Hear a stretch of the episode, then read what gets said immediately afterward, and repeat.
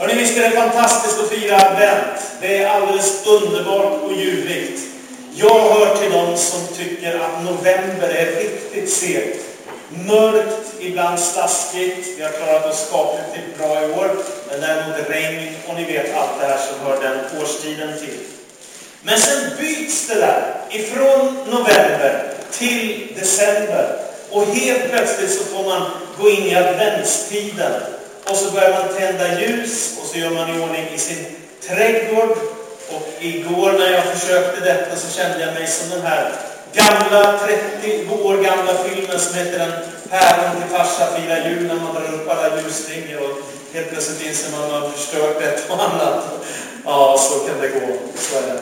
Men det är riktigt mysigt, eller hur? Och så har vi allt det här härliga som ligger framför.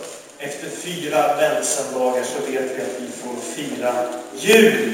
Och vi tänder ljus och vi äter god mat och julen närmar sig med hast. Det är fantastiskt. Men nu finns det ju en anledning till varför vi firar advent och varför vi firar jul.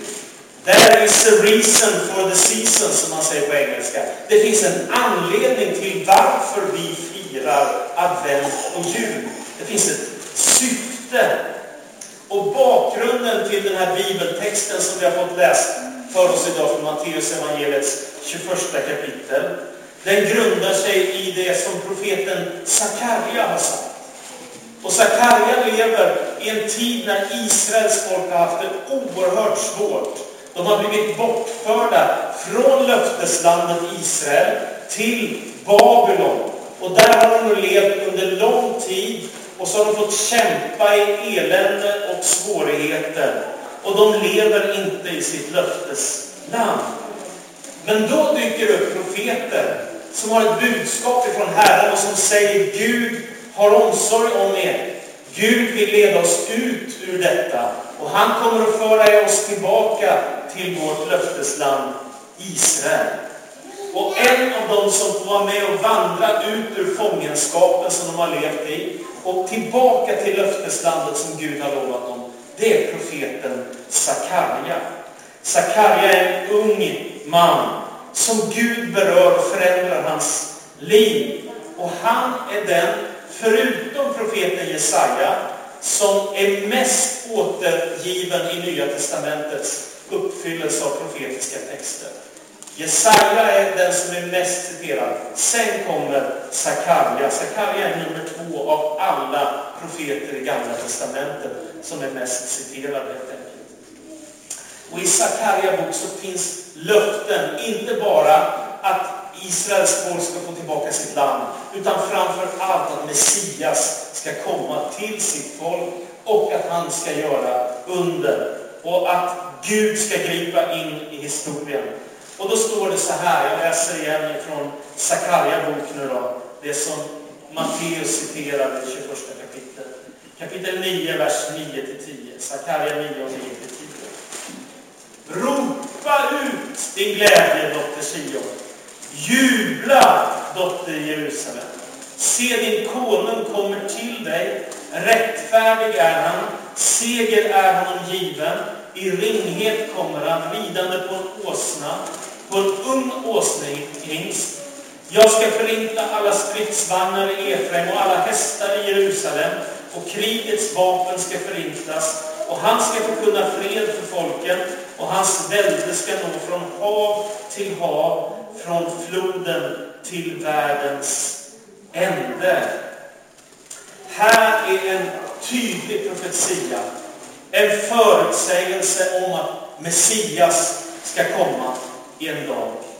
Och i den syn som profeten Sakarja får se, så ser han århundrade in i framtiden. Och det är oerhört dramatiskt. Messias ska glädjefyllt inta Jerusalem och komma ridande på en åsna. Visst är det märkligt? Man tänker sig romarrikets kejsare när han har segrat så kommer han ridande på en vit, stor, ståtlig häst in i Rom följd av mängder utav ryttare och vagnar. Men när Messias ska rida in i Jerusalem, huvudstaden, så gör han det på en enkel åsna. Man kan se att den här profetian innehåller tre saker. För det första detta att Messias rider, rider in i Jerusalem. För det andra att ett rike ska bryta fram som har med Gud att göra, hans rike. Och det ska nå från hav till hav, sägs det. Och det tredje är att Messias, han ska upprätta ett rike som består av fred bland folken som ska förändra världshistorien. Därför tänker jag mig för det första då, att när Jesus rider in mot Jerusalem så är det en slags glädjechock bland folken. Ingen har satt sig på en åsna för att rida in i Jerusalem sedan Salomos dagar. Det vill säga nästan tusen år har gått. Och nu helt plötsligt så sätter sig Jesus upp på en åsna som några lärjungar har hämtat. Och så rider han mot staden. Och det som händer måste ju vara fullständigt exalterande. Människor inser vad som händer. Och så börjar folken ropa Hosianna, Davids son, välsignad är han som kommer i Herrens namn. Och Hosianna betyder Herre, rädda oss, eller Herre, fräls oss. Och det ropade man ofta till kungar, eller så bad man det som en bön. Gud, rädda oss. Hosianna, rädda oss. Hosianna är gulden. Det andra de ropar är Davids son. Och varför gör de det? Jo, de gör det av ett konkret syfte. Kung David var den största konungen i Israels historia, den mest framgångsrike av alla. Han lever tusen år före Kristus och det kommer profetiska ord om att en dag ska det komma en som David som ska bygga ett rike som ska påverka världen. Och helt plötsligt så är han där, Jesus från Nasaret. Och när han rider in i Jerusalem, ja men då är det som en glädjechock. Och den stora folkmassan ropar sitt Hosianna, Davids son. Välsignad är han som kommer. I vems namn? Jo, i Herrens namn.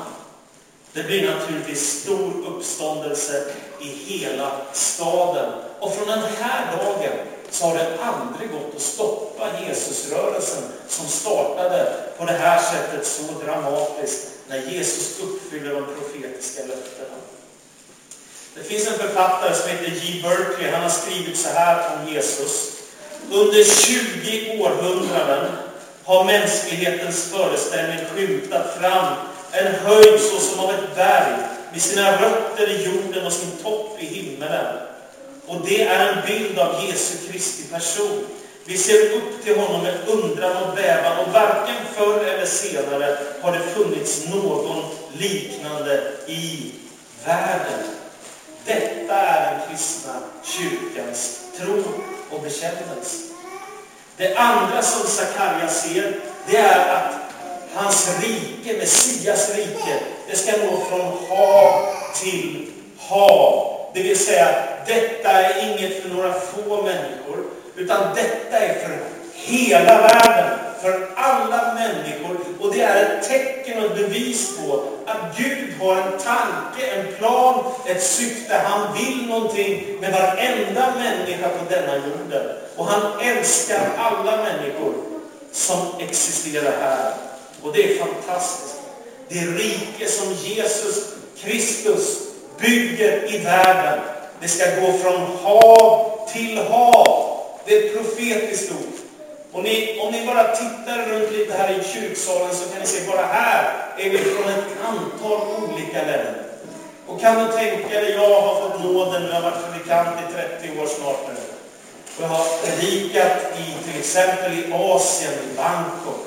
Jag har predikat i, i Tanzania, i, i Afrika. Jag har predikat i New York, i USA och jag har predikat i flera länder i Europa. Riket idag 2000 år senare.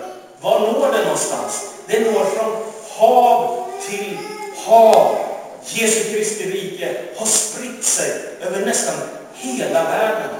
Och det är den största glädje som en människa kan få uppleva. Att leva med Jesus Kristus och ta emot honom som frälsare och Herre. Det fanns en kejsare i historien, han hette Napoleon. Har ni hört talas om honom? Det gissar jag. Vet ni vad han sa om Jesus? Så här säger han. Jesus Kristus erövrade det största riket i världshistorien med kärlekens vapen. Visst är det vackert sagt? Jesus Kristus erövrade det största riket i världen med kärlekens vapen. Det är många andra som har kämpat för att bygga rike i världshistorien. Nästan inga har bestått i 2000 år som det rike som Jesus Kristus är där och bygger. Det tredje som profeten Sakarja ser framför sig i sin profetiska syn när Messias kommer till världen, det är att Gud en dag ska låta sitt rike segra fullständigt. Och all ondska ska fördrivas och förintas. Och Gud ska helt uppfylla världen med sin närvaro. Och det finns ett hopp enligt de profetiska texterna. Att en dag ska vi få en ny himmel och en ny jord där Guds rättfärdighet bor. Och då har hans fredsrike helt och fullt segrat. I de här tiderna när det finns barn som har det svårt, i de här tiderna när mer flyktingar är på fot än sedan andra världskriget så kan man undra, finns det hopp för den här världen? Finns det någon möjlighet att det kan bli fred? Finns det någon framtid för mänskligheten med allt vi kämpade? Ja, det gör det.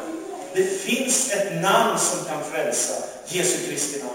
Och det finns en Gud som älskar oss och som håller hela detta gigantiska universum i sina händer. Och som en dag ska omforma världen så att vi får se en ny himmel och en ny jord där Guds rättfärdighet bor och där Gud helt och fullt har segrat. Och då finns det inte längre någon död. Och då finns det inte längre någon klagan. Då finns det inte längre någon smärta. Och det finns inga krig och inga förbannelser och inga sjukdomar och inget lidande. Detta är den kristna kyrkans budskap. Att Gud håller universum i sina händer och att han leder sitt folk mot en framtid som är så otroligt ljus. En dag red Jesus in i Jerusalem och de profetiska orden uppfylldes. Och sen så har hans rike utbrett sig från hav till hav. Och en dag ska Gud ge oss en ny himmel och en ny jord där Guds rättfärdighet bor och Kristi fredsrike regerar över allt. Och jag avslutar med en text av profeten Jesaja. Det folk som vandrar i mörkret ser ett stort ljus. Över dem som bor i mörkrets land strålar ljuset fram. Du låter ljuset stiga och gör glädjen stor. Och de gläds inför dig som man gläds vid skörden. Ropa ut, dotter Sion, se din konung kommer till dig. Så ber jag Herren Jesus Kristus att ditt ord ska landa i våra hjärtan. Att vi inser att det hopp som du ger oss är större, mer gigantiskt, mer väldigt än allt annat som vi har att fästa vårt liv vid. Herre, det finns mycket gott i den här världen och ändå finns det ingen som du. Ingen som kan frälsa, ingen som kan upprätta, ingen som kan hjälpa som du. Därför ropar vi ut vår glädje. Hosianna i höjden. Välsignad är du som kommer i Herrens namn. Och du är Gud med oss.